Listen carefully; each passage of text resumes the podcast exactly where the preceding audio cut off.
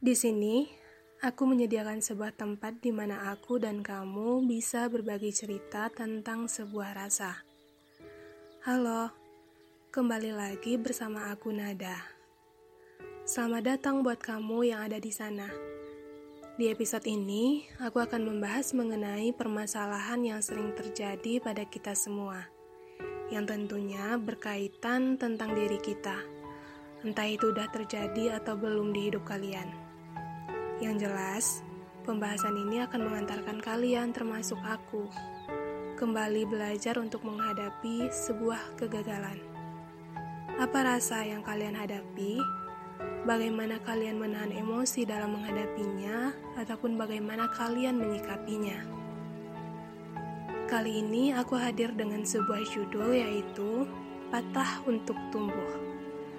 Nah, yang spesialnya dari podcast aku ini yaitu aku hadir bersama dengan seseorang yang tentunya aku kenal dan sangat dekat dengan aku. Dia adalah teman sekaligus sahabat aku, yaitu Feni. Halo Feni, kita kenalan dulu ya.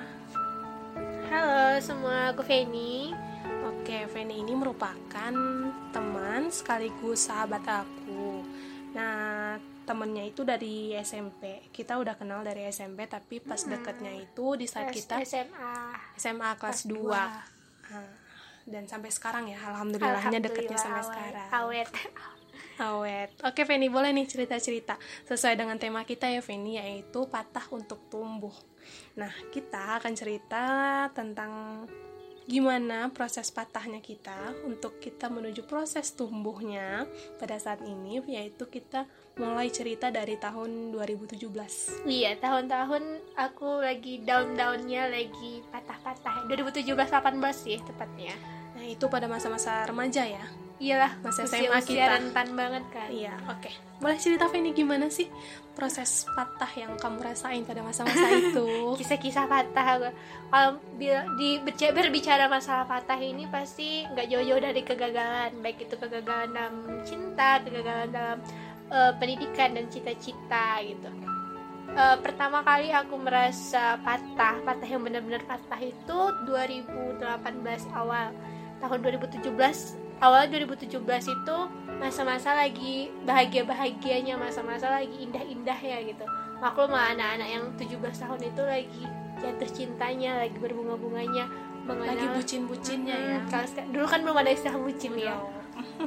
jadi eh, tahun di mana aku mengenal cinta mengenal cinta pertama tahu kan kamu kisahnya gimana Tahu tahu banget Nah. sih aku.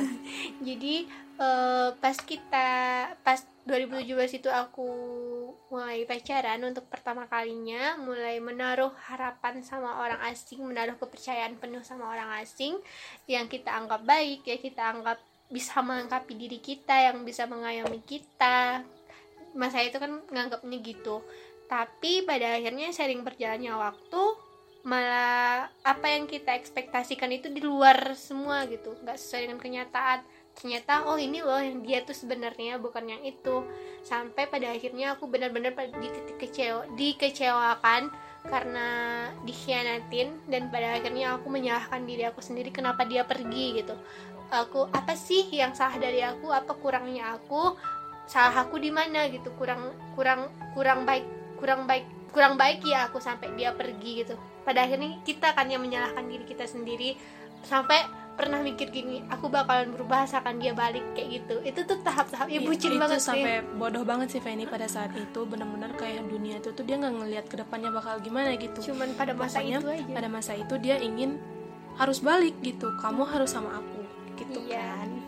Tapi seiring berjalannya seiring waktu, dengan berjalannya waktu oke ya udah kalau dia nggak mau ya ngapain dipaksa gitu Iya benar. Tuh dulu juga bukan aku yang ngejar bukan gitu. jadi jadi kayak ya udah jalanin aja dulu tapi sulit banget sih waktu itu Lama dua ya? tahun dua Prosesnya tahun. lama, lama banget sih dua tahun. menjalannya dua tahun proses move on-nya lama banget ya Allah jadi ya tahap-tahap ya kecewanya itu ya patah hati itu Itu yang pertama ya. Nah, gimana sih cara kamu untuk melewati merasa masa-masa move on itu? iya proses Kalau- move on kamu itu gimana gitu? kalau masa-masa move on aku ya itu tahun dua, mulai dari 2018 itu aku kan berakhirnya itu 2018 kan. Iya. 2018 19 itu sih tahap-tahap on aku lama kan satu setengah tahun deh kayaknya tahun. iya. Terus terus ya kayak pas udah menjadi mahasiswa ya kamu baru bisa move on. jadi oke. eh, udah kabur dari dunia yang ini. Maksudnya kan aku pindah kan. Aku keluar kota kuliah di sana itu tahap aku menyembuhkan diri gitu. Kayak oke aku nikmatin rasa sakitnya aku nikmatin rasa kecewanya.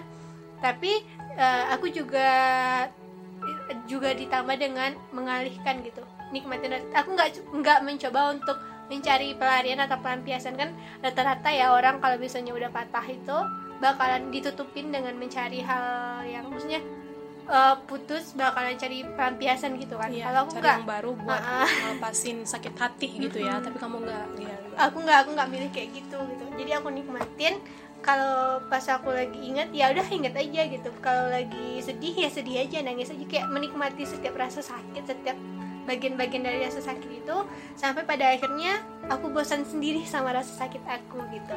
Sampai udah males sendiri Oh, ya? sama sendiri. Ih ngapain sih? Bego Ngapain banget uh, uh. bodoh banget kamu ngapain pada masih saat nginget-nginget itu nginget-nginget dia yang jelas-jelas bukan yang terbaik untuk kamu Iya. gitu. Yang Allah kasih dia pergi biar kamu bisa melanjutkan melanjutkan hidup yang lebih baik lagi gitu. Dan bisa kamu belajar untuk sampai Mm-mm. saat ini dan detik Iya, ini. Iya itulah. Maksudnya tahap-tahap penyembuhan diri itu tahap-tahap mengingat bahwa setiap yang indah itu bahwa setiap pertemuan itu ada perpisahan bahwa apa yang kita anggap baik apa yang kita senangi itu belum tentu yang terbaik kebaikan buat kita makanya gitu ya. dia tuh dia tuh bukan yang terbaik makanya dihilangkan dari kisah aku untuk hidup yang sekarang Hmm, selanjutnya Lama, sih itu satu, Satu setengah setengah tahun. Pas aku penyembuhan itu ya mengalihkan mencari hobi mencari kesenangan pertemanannya juga diperbanyak gitu biar menyibukkan diri lah. Tapi eh, tetap dengan masih menikmati rasa-rasa sakitnya. Ya pasti kan kamu tahu kan kalau Iya. move on itu nggak gampang. Nggak gampang Nah, sih. jadi menurut aku kalau tips move on itu ya nikmatin aja dulu rasa sakitnya sampai bosan sampai sendiri, bosan sendiri ah, sampai malas sendiri ya. Sampai malas sendiri. sampai baru sadar ternyata bodoh banget gitu iya Mau sampai aja. kita tuh pas Move on-nya kisah-kisah itu gitu pas ya kita nginget-nginget kisah itu eh, mau ini move on itu bukan berarti kita bisa melupakan semua kisahnya. enggak sih Nggak, nggak bisa Amnesia baru tuh bukan move on namanya.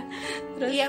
Tapi menurut aku move on itu ketika kita mengingat kisah itu, oh ya udah, oh jadi pernah kayak gitu, oh ya udah kayak gitu. jangan sampai mengulangi lagi Ah, ya ah, tentunya jangan jadi sampai udah kayak gitu biasa lagi. aja dengar nama dia dengar apa udah biasa aja sampai itu sih tahap menurut aku definisi move on itu bukan melupakan sepenuhnya. Gimana pun kisah itu juga nggak bakalan bisa dihapus Iya. sepenuhnya. Cuman lebih memaknai aja bahwa setiap eh, orang yang datang itu pasti membawa pelajaran tersendiri kan. Yaudah kita tinggal fo- tinggal milih fokus ke mana fokus ke pesan yang dibawanya atau kepada lukanya gitu. Kalau aku lebih waktu itu lebih memilih pesannya sih. Dia ngajarin kehilangan biar aku bisa eh, lebih dewasa lagi. gitu berarti patah kamu yang pertama karena cinta? Ya kayaknya semua orang juga ngalamin Iya patah sih. yang kayak gitu sih. Patah karena cinta itu emang umum sih terjadi sama semua orang apalagi pada cewek-cewek kayak kita gini ya. Sad kayak girl, bener sad girl kayak gitu. baperan banget gitu Iya, kan dikit-dikit baper gitu. Nah selanjutnya patah kamu yang kedua? Oke masih di tahun itu? yang sama. Oh masih di tahun Oh yang iya, sama. tahun-tahun 2018 itu kayak triple double triple kill sakit banget gitu. Oh, oke berat nih bahasanya. Berat. Kan udah kelas tiga kan kita Iya, pas kelas tiga 2020, SMA. kelas tiga SMA Mm, terus jadi eh, pas eh, habis dari kisah itu tuh kayak kita dihadapkan dengan pra UN dengan simulasi-simulasi sampai UN kan. Jadi tahap-tahap eh, patah hatinya itu pas saat-saat genting ya. Saat-saat orang lagi ambis-ambisnya aku malah disibukkan sama tahap-tahap yang wow sebenarnya kalau ingat-ingat sekarang tuh nggak penting banget kayak bodoh banget gitu. Malah jadi apa ya kayak waktu itu nilai UN aku anjlok sampai aku mengkambing hitamkan kisah itu gitu. padahal sebenarnya itu yang salah aku sih kok bodoh kali mau-mau aja eh, menghancurkan UN gimana pun UN kan buat jag- apa ya menentukan masa depan bukan menentukan sepenuhnya sih tapi jalan juga berpengaruh jalan ah. kan buat masa depan gitu Ah, jadi kayak ngapain sih sepenggal kisah yang dia itu aja yang sampai berpengaruh kayak gini kali sama masa depan aku tapi waktu itu ya aku namanya juga anak remaja ya jadi ya masih belum bisa membedakan sih itu masih Uh-uh. belum bisa menjadikan pembelajaran dan itu benar-benar anjlok banget sih dua Iya. kali anjlok ya kamu pada saat Iya. itu karena putus cinta juga dan Nilai juga karena UN. nilai UN gara-gara bodohnya dia Feni ini bodohnya karena putus cinta dia mengorbankan nilai UN nah ya itu waktu itu aku bodoh itu sedih banget sih tapi emang. waktu itu aku mikirnya gini waktu itu aku sempat mikir bahwa mengkambing hitamkan masalah itu eh, dengan nilai aku yang anjlok ini. Tapi kalau sekarang sih sadarnya aku yang bodoh gitu. Eh, kenapa mau-mau aja? Sebenarnya nggak sepenuhnya salah dia salah masalah ini juga gitu. Kenapa aku yang nggak bisa membawakan diri memisahkan antara ini kisahnya beda loh. Ini buat masa depan buat diri aku sendiri. Sedangkan ini hanya buat masa ini gitu. Kamu belum bisa menempatkan Mm-mm. Em, satu masalah itu di tempat-tempat tertentu gitu ya. Malah kamu mencampur adukan semuanya. Jadi Iya. kena kayak bingung sendiri jatuhnya gimana. Jadi harus mengorbankan yang lain juga karena satu masalah. Ah, terus juga tahun itu masih dengan tahun yang sama sebelum UN kan pengumuman SN kan? Iya. pengumuman SN aku yang kamu tahu super aku SN excited. excited banget sama SN itu yang aku nganggapnya gini bakalan berkesempatan besar lulus dari SN ini. Soalnya melihat dari nilai rapor kan aku cukup percaya diri waktu itu dengan nilai rapor yang segitu. Padahal sebenarnya masih banyak loh orang yang Iya, jauh tapi- lebih baik dari dari Iya aku. benar banget, tapi kan kalau dia lihat dari teman-teman kita semua yang lulus SN pada saat itu aku juga ngerasanya Pen ini pantas gitu loh buat uh, lulusan SN gitu karena bisa dilihat pun nilainya nggak nggak nggak banyak turun kan ya malah nilainya Nggak. naik terus alhamdulillahnya alhamdulillahnya gitu. gitu. tapi balik lagi eh, SN ini kan untung-untungan kalau kata orang nggak semua aku juga nggak tahu sih penilaiannya gimana tapi benar-benar pada tahap yang kita udah berekspektasi tinggi Besar. tapi pada kenyataannya dijatuhkan oh bukan gitu Eh, nggak dilulusin sama di eh, jurusan dan perguruan tinggi yang kita minatin itu rasanya sakit banget sih. Kayak itu lebih sakit deh daripada putus cinta. Tapi 11-12 lah 11, sakitnya. 12, iya. apalagi waktu itu pada masih masa-masa penyembuhan kan. Terus ditambah Iya. lagi sama sakit ya Allah itu itu tiga kali lipat ya sakitnya. Sakit banget. Terus gimana? Terus apalagi ditambah sama ada teman yang lulus padahal nilainya biasa aja gitu. Aku bukan meninggikan diri ya pasti ya dalam diri orang se- Iya. itu ada rasa iri kok dia bisa aku enggak kayak gitulah. Padahal kalau dilihat dari usahanya lebih berusaha kamu Iya, gitu kayak kan aku daripada udah- orang-orang yang aku udah berusaha keras loh udah udah udah apa ya mengi- kata orang mengiringi usaha dengan doa kayaknya udah gitu cuman kenapa enggak gitu kayak menyalahkan keadaan waktu itu. Tapi balik lagi ternyata itu enggak gitu itu yang terbaik buat aku. Sampai eh, nggak mau nggak mau patah semangat sama masih ikut SB masih ikut SB ingat kan kita SB Iya. bareng kan kita SB bareng di satu universitas juga tapi beda gedung waktu itu ya Iya. Jadi pas ikut SB itu masih mengambil jurusan yang sama di PTN Yang yang diinginkan sama Eh, kamu yang ya? itu yang dicita-cita kamu tahu kan aku dari dulu tuh pengen banget di, di Kesehatan. kesehatan. sama yang fisika waktu itu aku ngambilnya gitu. Yang di fisika eh, kesehatan sama fisika masih nggak patah semangat, masih yakin bakalan masuk di sana. Cuman karena ber, apa ya yang nggak lulus SN ini udah usaha udah doa cuman digagalin kayak masih berimbas ke masa SB ini udahlah ngapain berusaha toh juga nggak dilulusin kayak udah Pasrah. eh, mau cuman pasrah. Gimana sih waktu itu aku iya, kayak paham banget. mau cuman pasrah gitu. Pengen lulus cuman gak ada usaha. Beli buku usahanya ada sedikit. Beli buku cuman gak dipelajarin gitu. Ya nggak bakalan lulus juga sih kalau kayak gitu sebenarnya. Malahan ya pas SB itu kita malah nonton kan malamnya. Malamnya SB-nya besok pagi tapi kita nonton horor malamnya. Bukan dan nggak bisa tidur tentunya. Iya jadi padahal besoknya itu subuh subuh harus berangkat yang tempatnya 30 Lumayan jauh, menit. Nah ya. ya lumayan jauh dari tempat tinggal kita waktu itu. Nah sampai uh, akhirnya pengumuman keluar berhasil berharap ini bakalan lolos. Bahkan aku udah lolos di salah satu perguruan tinggi juga tapi masih berharap yang ini gitu. Eh, tapi sesuai dengan minat kamu Ah, ya? ah, sesuai dengan minat. Tapi waktu itu nggak dilolosin jadi aku mikirnya gini oke ini tuh udah dua kali percobaan dua kali ditolak yang satu dengan usaha yang satu dengan kayak pasrah aja gitu. Iya menganggap mengandalkan keberuntungan. Yakin mau pengen lulus tapi nggak ada usahanya gitu. Jadi kayak Allah menyadarkan bahwa kalau kamu benar-benar mau ya usahanya dilihat usahanya itu segimana gitu. Seberapa keras maunya kamu. Tapi kalau misalnya karena satu kegagalan aja kamu udah nyerah malah pasrah ya nggak bakalan bisa dapat apa yang kamu inginkan gitu. Iya benar banget. Terus em, selanjutnya apa nih? Patah Feni yang ketiga? Oke, udah kan nggak dapat univ yang diinginkan Iya. dengan jurusan yang diinginkan dan pada akhirnya berla- berakhirlah pada per- juru- eh, pada perguruan tinggi yang Sudah sebenarnya- menerima kamu iya, sebelumnya sudah ya. menerima. Padahal itu tuh kisah ngambilnya itu ya Allah lucu banget kalau aku mikir-mikirnya. Itu kan ada span petekin kan. Jadi Iya. aku sekarang kuliah di univ Islam. Span petekin kan semua orang kayak ngikutin gitu kan. Jadi aku ikut-ikutin aja padahal sebenarnya nggak ada minat sama sekali. Bahkan pemilihan jurusannya itu besoknya nih mau daftar malamnya itu baru searching. jurusan, Nah, searching, baru searching. jurusan itu pun searchingnya aku bukan yang diminatin tapi mana yang nama jurusannya bagus dan akreditasi. akreditasi penting ju- jurusannya namanya bagus akreditasinya bagus udah ngambil gitu Eh, aku ngambil di luar dari sumber waktu itu pengen mandiri juga pengen lari dari apa ya dari lingkungan yang dari kenangan lah dari Iya. kenangan ini tuh kayak pengen keluar Pengen lah, pengen- melupakan ya. Ah, ah, pengen cari suasana baru gitu biar mudah ngelupainnya Hmm. tapi beneran pusing itu kalau bener aku terus terus juga yaudah masuk di sana mau maksa buat eh, ngambil jurusan yang diinginkan kan bisa mandiri. Cuman kasihan sama orang tua. Nah gini aku di diletakkan di lingkungan yang benar-benar baik banget yang support system mulai dari pertemanan keluarga yang nggak pernah maksa. Ketika aku nggak lulus SNSB orang tua aku nggak marah. Dia malah oke apa ya me- men- menyuruh aku buat ikhlas ini bukan jalan kamu bu ini bukan yang terbaik buat kamu. Jadi kayak pas kita nggak bisa pas kita meyakini sesuatu dan ingin membuktikan sesuatu tapi nggak bisa dan orang yang ingin kita kasih bukti itu malah nggak apa-apa. Ini tuh sakitnya masih double banget loh kayak gitu. Kayak kita gagal banget sebagai anak gagal banget buat bikin bangga mereka gitu. Jadi ya udah yang penting kuliah. Aku mikirnya gini yang penting kuliah eh, harapan orang tua kan biar bisa kuliah anaknya yang penting kuliah di univ mana pun yang nggak apa-apa gitu Aku jalanin aku dan hadapin jalanin ya. mm. akhirnya oke masuk sana yaudah jalanin aja dulu gimana gimana ke depannya yaudah pasrahin aja bener-bener udah nyerah Pasrah ya? banget udah pasrah banget terserah lah alur hidupnya mau apa Eh, waktu itu mikirnya gitu jadi masuk sana ambil jurusan sana udah kan udah ngurus-ngurus segala macam aku kaget sama lingkungan di sana. Yang bener-bener jauh banget beda eh, jauh banget bedanya sama lingkungan aku sebelumnya gitu.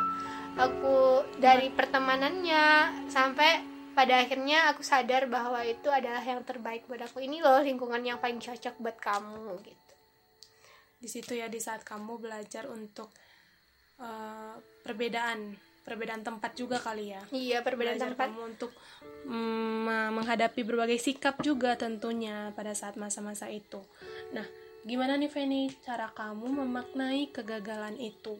Oke dari semua dari semua yang aku anggap gagal kisah-kisah yang aku anggap anggap gagal ini pas udah di kuliah ini nih yang tahun 2019 2020 umur 20 inilah yang aku benar-benar pak ngerti dan mengambil sisi lain dari kisah-kisah aku itu. Aku kuliah di jurusan yang enggak aku minatin aku nggak dapat apa yang aku inginkan itu jadi kayak ada pesannya gitu. Balik lagi setiap luka ada pesan setiap orang yang datang ada membawa pesan masing-masing gitu kan. Jadi eh, pas udah di sini aku sadar bahwa apa yang selama ini aku jalanin itu bukan yang terbaik gitu. Eh, dan aku diletakkan di sesuatu yang gak aku ingin aku inginkan ini tuh adalah hal yang terbaik banget yang dikasih sama Allah.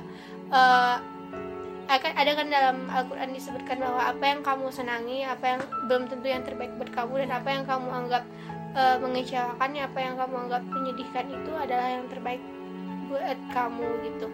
It- aku jalanin di lingkungan yang benar-benar buat aku kaget banget tapi memberi perubahan yang baik sama aku gitu. Sampai detik ini ya, Sampai sampai, detik kamu ini. merasa ternyata patah tiga patah yang benar-benar terjadi dalam hidup kamu itu yang merupakan berentetan banget gitu iya jadi tahunnya deket banget ya waktunya dalam juga tahun yang sama. dalam tahun yang sama dan waktu yang sama juga gitu. Jadi menjadikan kamu memberikan sebuah pembelajaran tentunya buat kamu gimana kamu menghadapi ke depannya dan gimana kamu belajar untuk eh, dewasa ke depannya tentunya.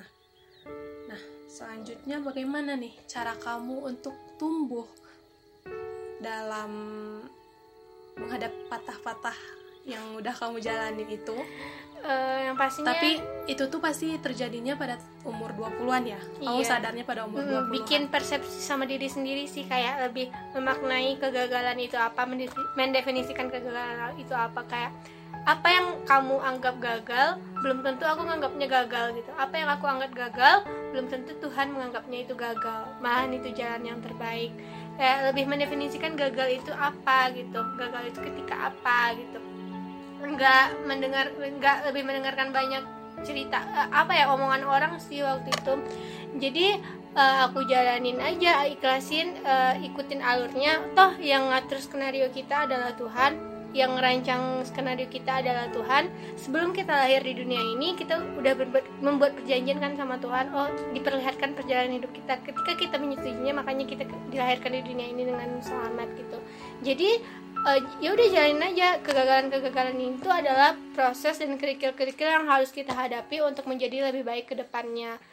Eh, sampai aku bilang gini kayu jati biar bernilai mahal harga nilainya mahal itu ya harus siap kehilangan dahan-dahannya sejak dini biar harus- tumbuhnya lurus harus gitu. rela dipatah-patahkan dahan-dahannya ya biar tumbuhnya lurus ke atas dan biar jual belinya juga mahal. Nah, itu juga sama kehidupan. Ada hal-hal yang harus dipatahkan, Dipatahkan. agar kita menjadi yang lebih baik lagi, agar kita bernilai ke depannya gitu. Jadi apa yang terbaik itu udah diatur sebenarnya. Terus juga eh, apa ya? nggak semua patah itu berakhir punah dan nggak tanpa kegagalan tidak akan ada ber- keberhasilan, tanpa patah tidak akan ada tumbuh, ada luka yang akan sembuh kayak gitu. Wow, kata-katanya benar-benar benar banget sih itu kata-kata Feni yang emang pada masa itu kita emang bisa dilihatkan untuk eh, belajar untuk menghadapi, jangan menyerah. Ya, tentunya Feni ya. Iya, jangan pernah menyerah, sabar, ikhlas, bersyukur, dan percaya yakin kepada Allah. Oh, ini tuh yang terbaik buat kita gitu. Iya benar banget. Nah, buat kamu yang juga akan merasakan pada saat-saat itu, pesannya satu aja sih, jangan pernah menyerah. Dan Hmm, jangan ikhlas, bersyukur. Lihat sisi, positif diri kamu sendiri. ah, ah, lihat dalam setiap kejadian dan kisah-kisah yang kita alamin itu pasti sisinya ada dua, positif dan negatif. Kita mending lebih banyak fokus ke positifnya ada deh. Mending lebih banyak pesan-pesan dan memaknai setiap kejadian hidup itu aja. Nanti ke depannya biar bisa dijadiin pelajaran diri gitu. Oke, nah bener banget sih ini Eh, cerita Feni benar-benar kayak memberikan pelajaran juga ya buat kita tentunya. Nah terima kasih nih buat Feni yang udah berbagi cerita kepada di podcast aku ini berbagi cerita tentang kisah-kisah pada masa SMA tentunya dan belajar untuk menghadapi kehidupan ke depannya yang tentunya belum belum masanya sih untuk eh, dewasa sepenuhnya belum ya Feni ya? Belum masih proses lah kita belum masih panjang proses kita masih 20-an juga kan. Mungkin di sini tuh tahap-tahap kita membangun persepsi buat ke depannya lebih baik. Oke yang gagal-gagal kemarin kita jadiin pelajaran yang hari ini kita bangun persepsi baru untuk menjalani kehidupan yang ke depannya kan semua kehidupan ini kan misi-misi yang harus kita pecahkan. Iya, benar-benar banget. Nah, terima kasih untuk Feni yang udah mau berbagi cerita di podcast aku ini. Dan terima kasih juga untuk kamu yang sudah mendengarkan pembahasan aku kali ini. Nah, eh, nanti kita cerita-cerita lagi ya Feni ya. Di episode-episode selanjutnya kita bakal cerita lagi gimana nih. Mungkin kita bakal bahas tentang cinta mungkin cinta dari Feni, percintaan Feni mungkin atau percintaan dari aku sendiri. Nah, semoga informasi yang aku berikan ini bermanfaat ya dan bisa dijadikan pembelajaran untuk kamu dan untuk aku dan tentunya untuk Feni sendiri sih. iya Nah, inilah tempat untuk aku dan kamu berbagi cerita tentang sebuah rasa. Dan sampai ketemu lagi di episode selanjutnya di podcast tentang rasa.